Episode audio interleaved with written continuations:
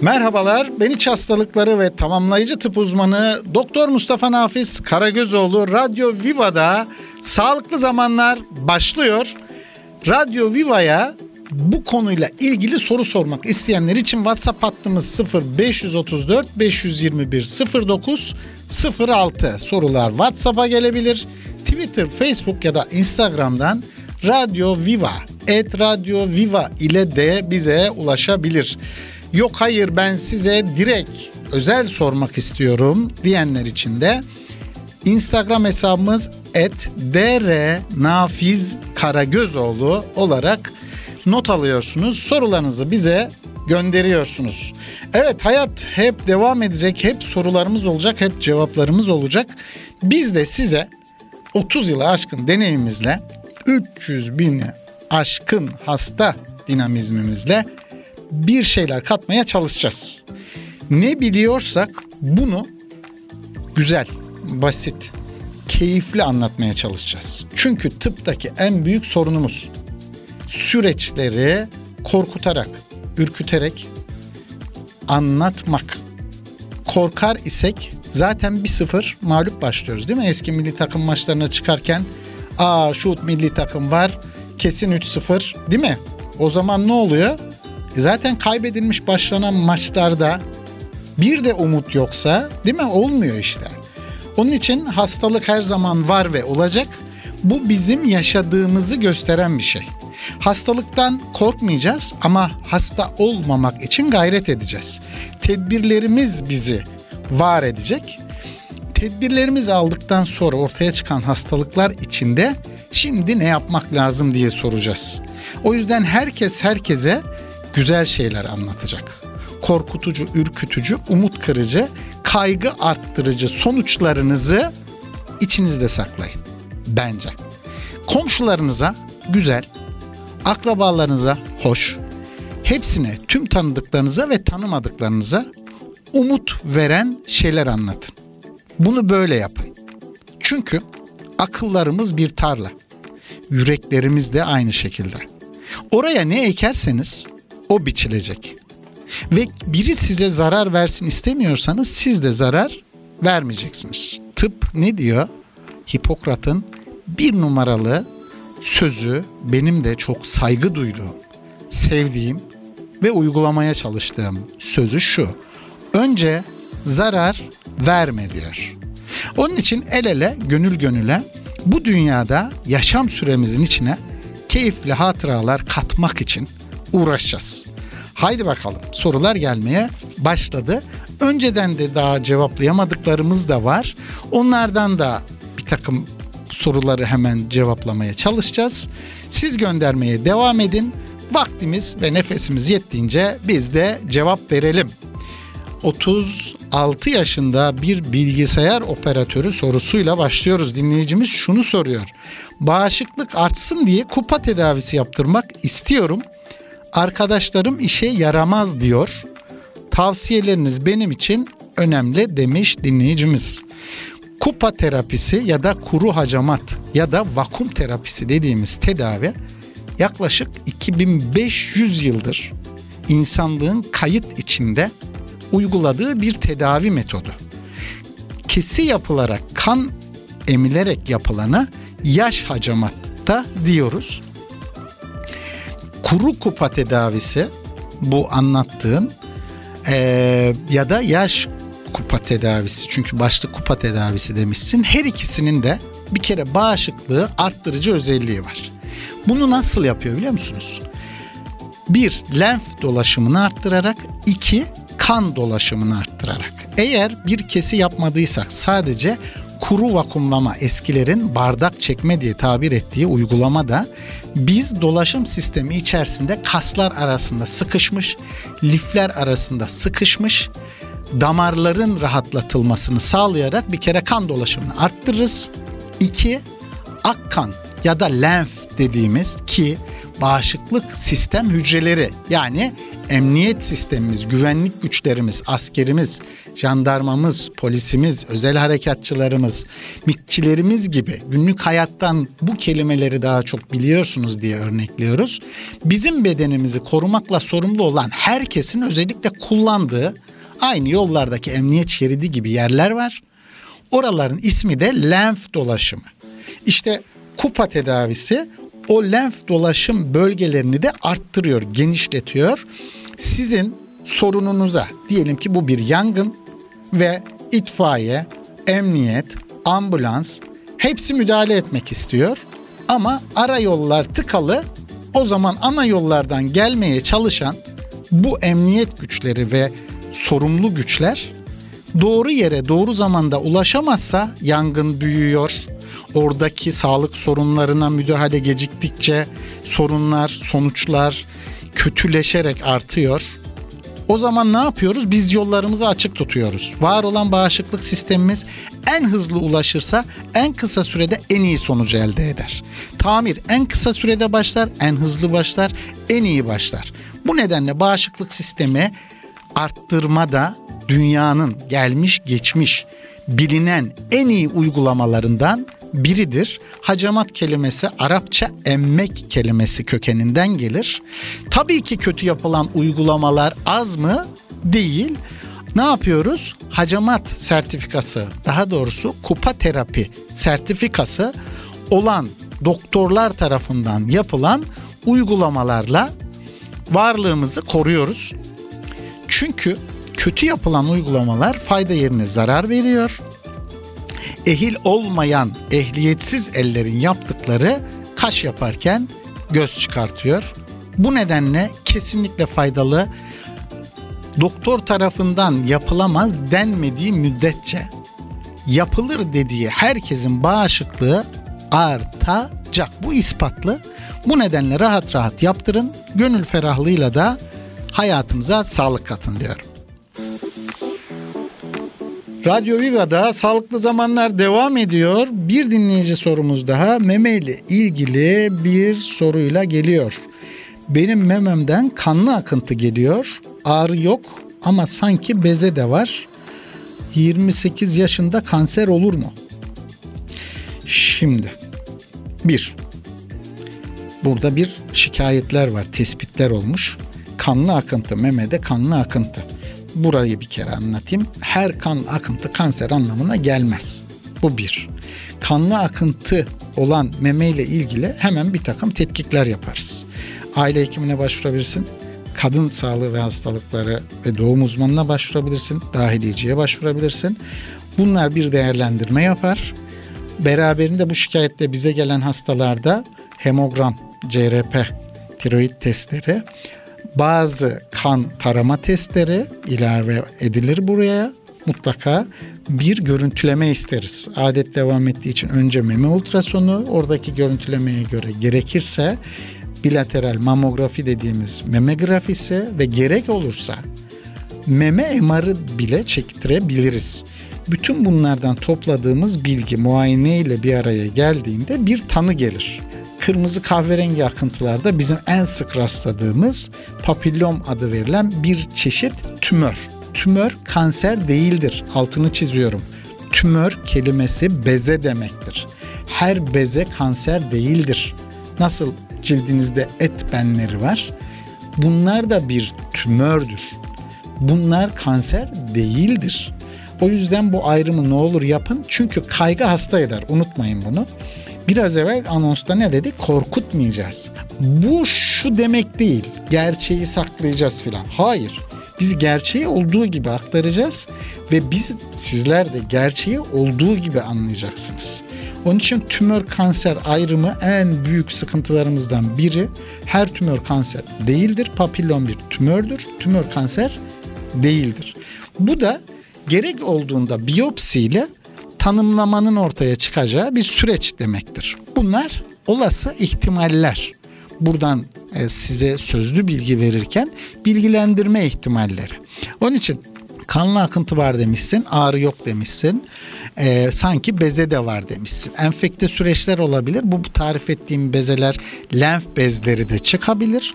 Ultrasonla ve görüntülemelerle elde ettiğimiz bilgilerle biz bunlara bir cevap bulacağız. Ne yapıyoruz? Güzel. Tespit etmiş olman güzel, kendini muayene etmiş olman güzel ama ne olur bir sonuç çıkartma.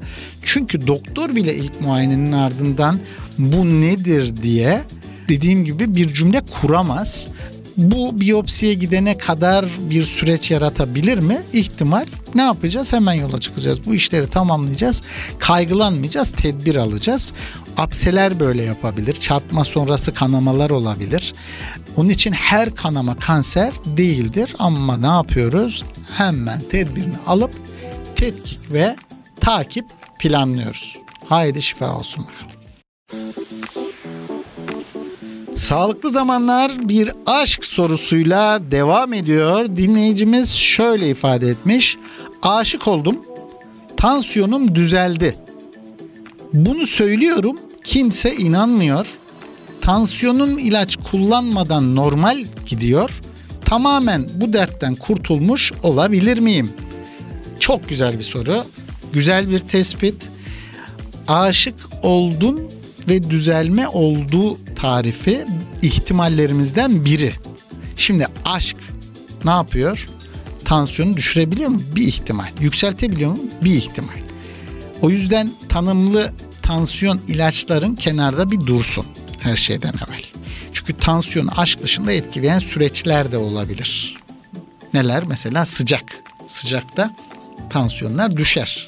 Doğal tansiyon hastalarına bile ilaçlarınızı azaltın deriz böyle durumlarda. Damar gevşer, içindeki tazik azalır.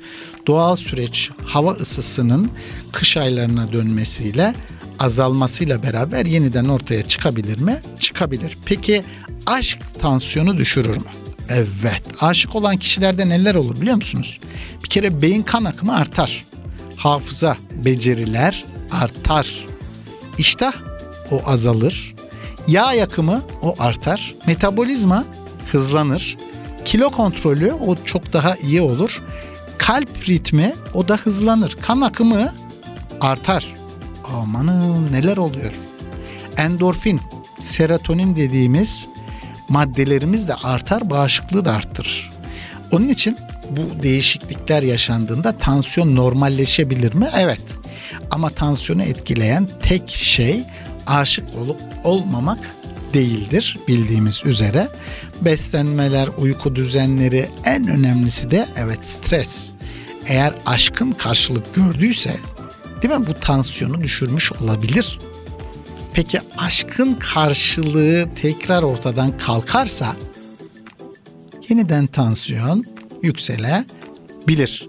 Bunun için bir kaygı taşımayacağız. Yanımızda ilacımız dursun. Evet ne güzel tansiyonun düzelmiş süper. Aynı şekilde ara ara takip etmeye devam et. Ölçümlerini yap.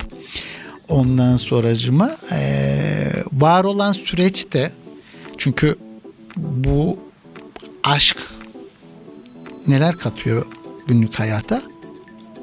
Değil mi? Hayaller de katıyor. O hayaller de fazlası ilerlerse yeniden tansiyon yükselir mi? Tedbir. Tansiyon her zaman yükselip düşebilen bir süreçtir. Bu vesileyle onu da hatırlatalım. Ve e, ne mutlu ki bütün tansiyonlar aşklar tazelendiğinden, yeni aşklar ortaya çıktığından düşsün. Bu çok güzel bir şey. Aşk bu arada sadece bir kadının bir erkeğe ilgisi değildir. Bitkiye, toprağa, ideallere aşk olmak onlar da insanı yaşama bağlar. Her şeyi severek yaşayalım. Hayatımızın içine sevgi katalım diyoruz. Evet Doktor Nafiz'le Sağlıklı Zamanlar bir evlilik sorusuyla devam ediyor. 4 ay oldu evleneli. Yaşım 41. Hanımla bir şey yapamıyoruz. Hemen terliyorum. Nefesim kesiliyor. Hanım ne oldu diyor.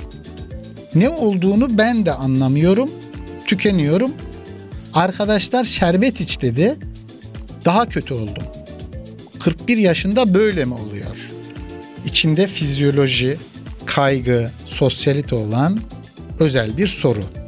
Şimdi bu anlattıkların üstünden gidecek olursak var olan paniğin, yoğun kaygın, sonuçtan mahcubiyetin hepsi bir arada. Ondan sonra ama bu anlattıkların bizim açımızdan klinik bir tablo olarak değerlendirilebilir. Bu şikayetle bize başvuran bir hastamız olsa idi ne yapar idik? Öncelikle hipoglisemi dediğimiz düşük şeker başta olmak üzere hemen bir takım tetkikler yapardık. Ne yapardık? Şeker metabolizma testi, tiroid testi, kan sayımı, tansiyon ölçümü bütün bunları hemen bir değerlendirirdik. Hormon seviyelerini gözden geçirirdik. Muayene bulgularında tabii özel bir şey var mı? Ayrıca kullandığın herhangi bir ilaç, mesleğin bunlar çok çok önemli. Neden? Çünkü bunlar bu bahsettiğin süreci olumsuz etkileyen, e, ereksiyon süresini, niteliğini etkileyen, kan dolaşımını etkileyen, elektrik iletimini etkileyen süreçleri gözden geçiririz burada.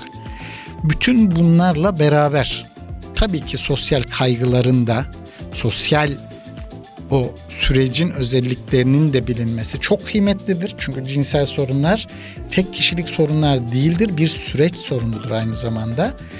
Ee, birlikte de değerlendirilmeye ihtiyaç var. Mutlaka böyle bir durumda kişinin eşini de biz değerlendiriyoruz. Görüşmeye davet ediyoruz. Ondan sonra çünkü sadece bedensel bir sorun olmayabiliyor. Sosyal, psikolojik boyutları olabiliyor. Bunları da bir gözden geçirelim. Ama sonunda da mutlu süreçler üretmek için elimizden geleni yapalım. Kaygını azaltarak hemen ne yapıyorsun? Bu anlattığım tetkik süreçleri için bir doktor başvurusu yapıyorsun. Gittiğiniz doktorumuza da benim sevgi ve selam ve hürmetlerimi iletiyorsun. Nafiz hocam böyle tavsiyelerde bulunmuştu diyorsun. Siz nasıl uygun görürseniz öyle devam etmek istiyorum diye de belirtiyorsun. Anlaştık? Sonuçları bana özelden de gönderebilirsin. Elimizden geldiği kadar biz de bu sürece olumlu destek vereceğiz. Haydi şifalar olsun. Radyo Yuva'da Sağlıklı Zamanlar devam ediyor. Özelden bilgi göndermek isteyenler için Instagram'da et nafiz karagözoğlu yazıp ulaşabilirsiniz bana e, bu konuda ısrar var diye tekrar hatırlatıyorum.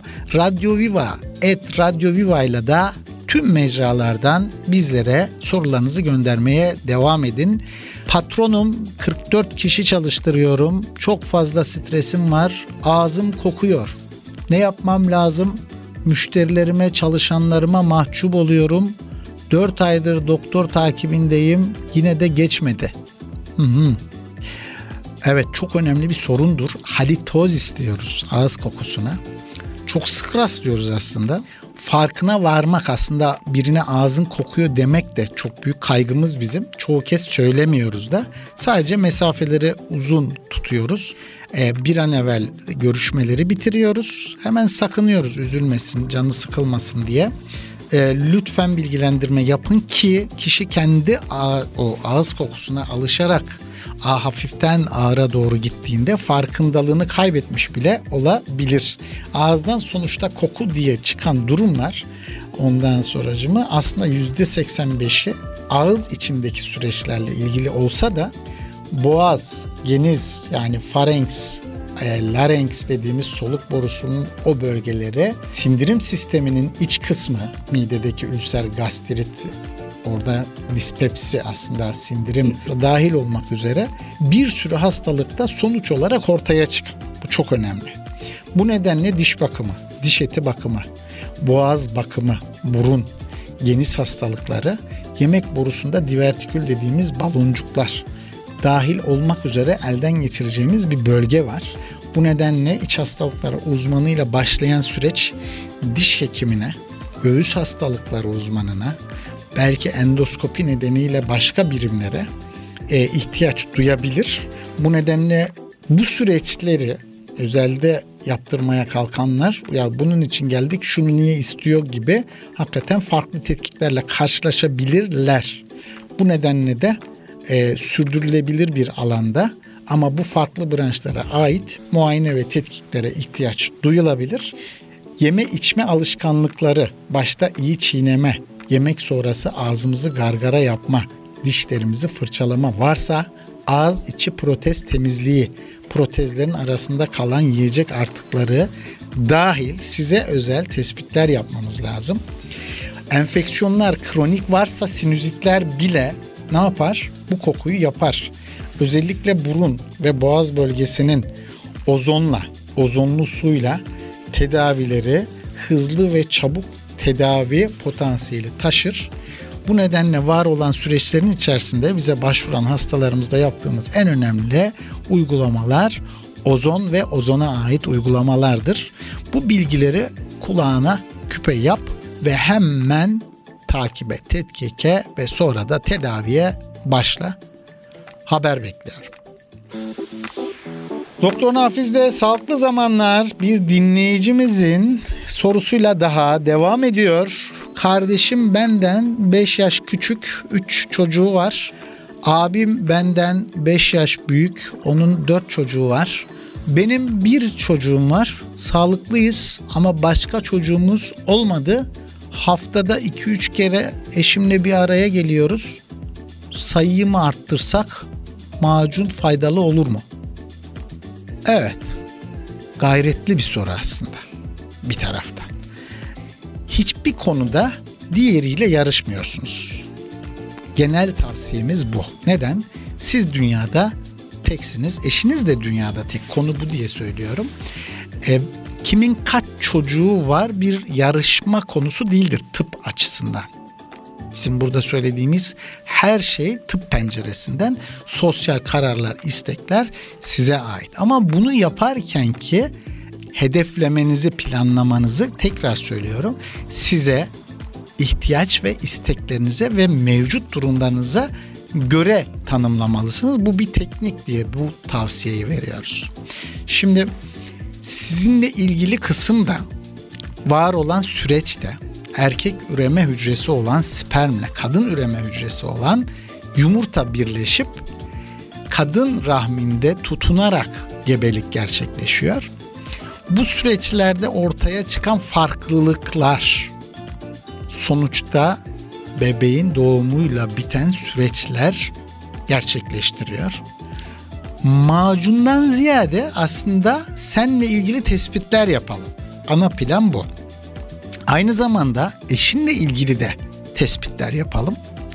Var olan süreçte sana ait sperm sperm özellikleri, üretim özellikleri, üretimin dışarıya aktarılan anatomik yolların özellikleri değil mi? Dahil neler yapabiliriz? Bir tespit yapalım. Tiroid hastalıkları, insülin direnci, hormon hastalıkları gibi fonksiyonel süreçleri belirleyen tespitler de yapalım.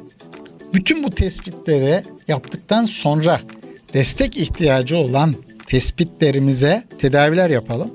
Sonra yeniden süreç takip edelim. Anlaştık mı? Bunu bir kaygı, korku, huzursuzluk kaynağı da yapmayalım. Süpersiniz.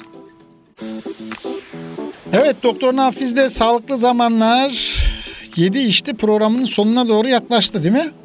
Şimdi neredeyiz? Her zamanki gibi fitoterapi yani bitkilerle tedavi, bitkilerden faydalanma bölümündeyiz. Mate'yi anlatayım size. Çok soruluyor bu soru. Bu hafta mate'den bahsedeyim dedim. İngilizce ismi de yerba mate diye geçer. Latince adı da tabii ki uzun. Ilex paraguarinensis senhilare. Bence ben de tekrar okumayayım. Siz de hatırlamayın. Mate diyelim, geçelim. Ne yapalım mateden? Yapraklarından çay yapalım. Ne işe yarıyor mate çayı? Bir kere zihinsel ve fiziksel yorgunluğu olanlar bizi iyi dinlesin. Ve uyarıyı da aslında baştan yapalım. Özellikle organ nakli olmuş olanlar ne yapacağız? Uzak kalacağız burada. Tamam mı? Zorlamayacağız bedeni bağışıklığı.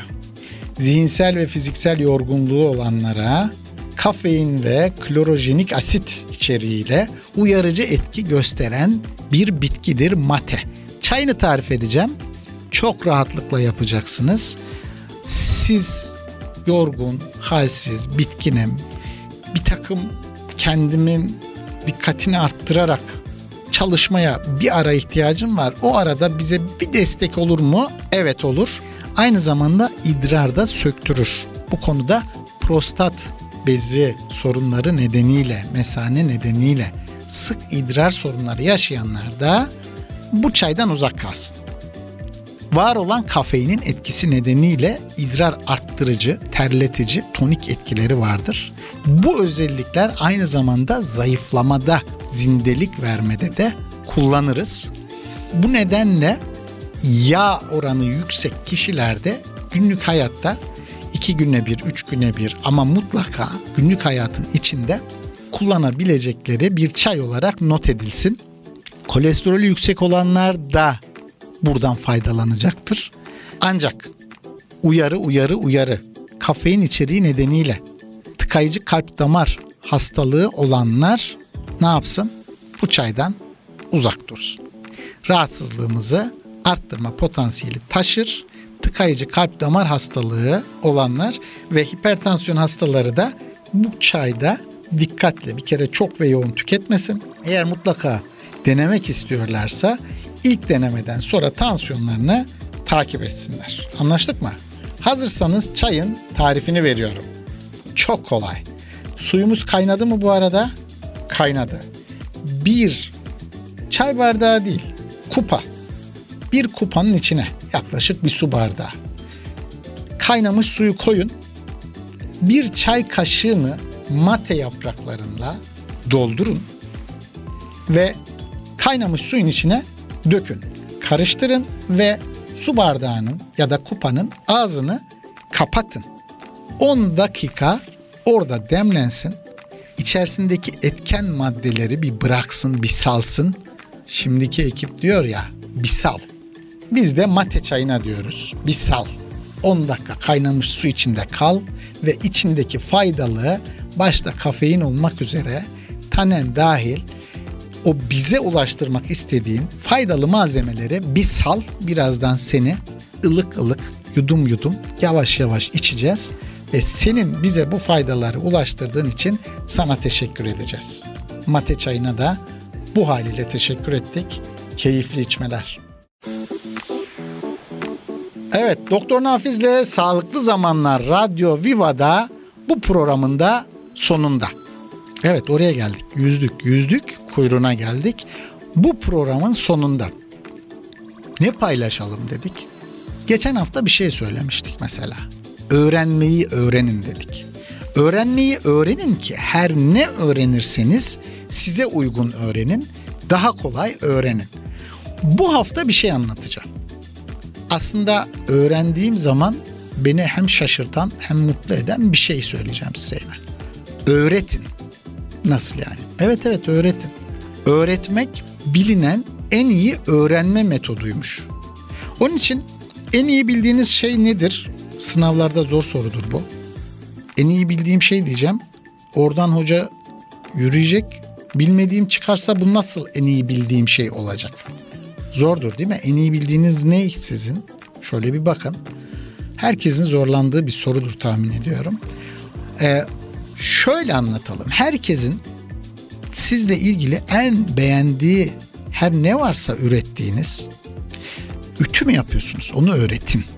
Birine öğretin. Bilginizi aktarın, nakledin. Başka bir şey yapın. Bir pasta mı yapıyorsunuz? Bunu öğretin. Mesleğinizle ilgili yaptığınız iyi, doğru, gerçek ve özel bir şey. Öğretin. Öğretirken ne dikkat çekecek biliyor musunuz? Aslında öğretmek için tarif ettiğinizde kendiniz de neyi nasıl yaptığınızı daha iyi öğreniyor olacaksınız.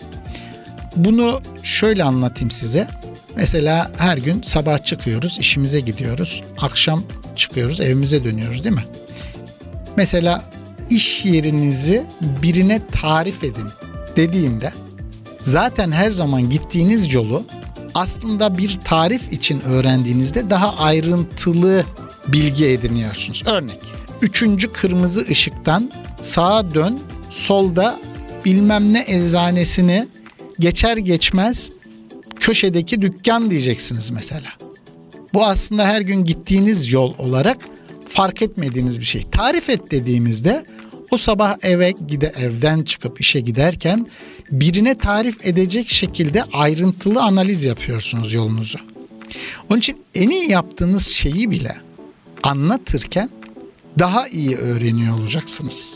Vermenin hazzını duyacaksınız. Siz birine bir şey verdiğinizde birinin size minnet duyduğunu duyacaksınız. Bu bizleri birbirimize bağlayan şeyler olacak. Ve size verin diye verilen şeylerden bir şeyi vermenin rahatlığı, üstünüzdeki ağırlığın azaldığını hissedeceksiniz. Ve sizin de bu yaşamın önemli bir parçası olduğunuzu bir daha fark edeceksiniz. Onun için hepimiz hepimiz diğeriyle birlikte varız. Bunu unutmayın. Herkes özeldir. Herkes güzeldir. Herkes faydalıdır. Bildiği faydalı şeyleri diğerine öğretmek de hepimizin görevidir. Biz de öğrendiklerimizi sizlere aktarabiliyorsak ne mutlu bize.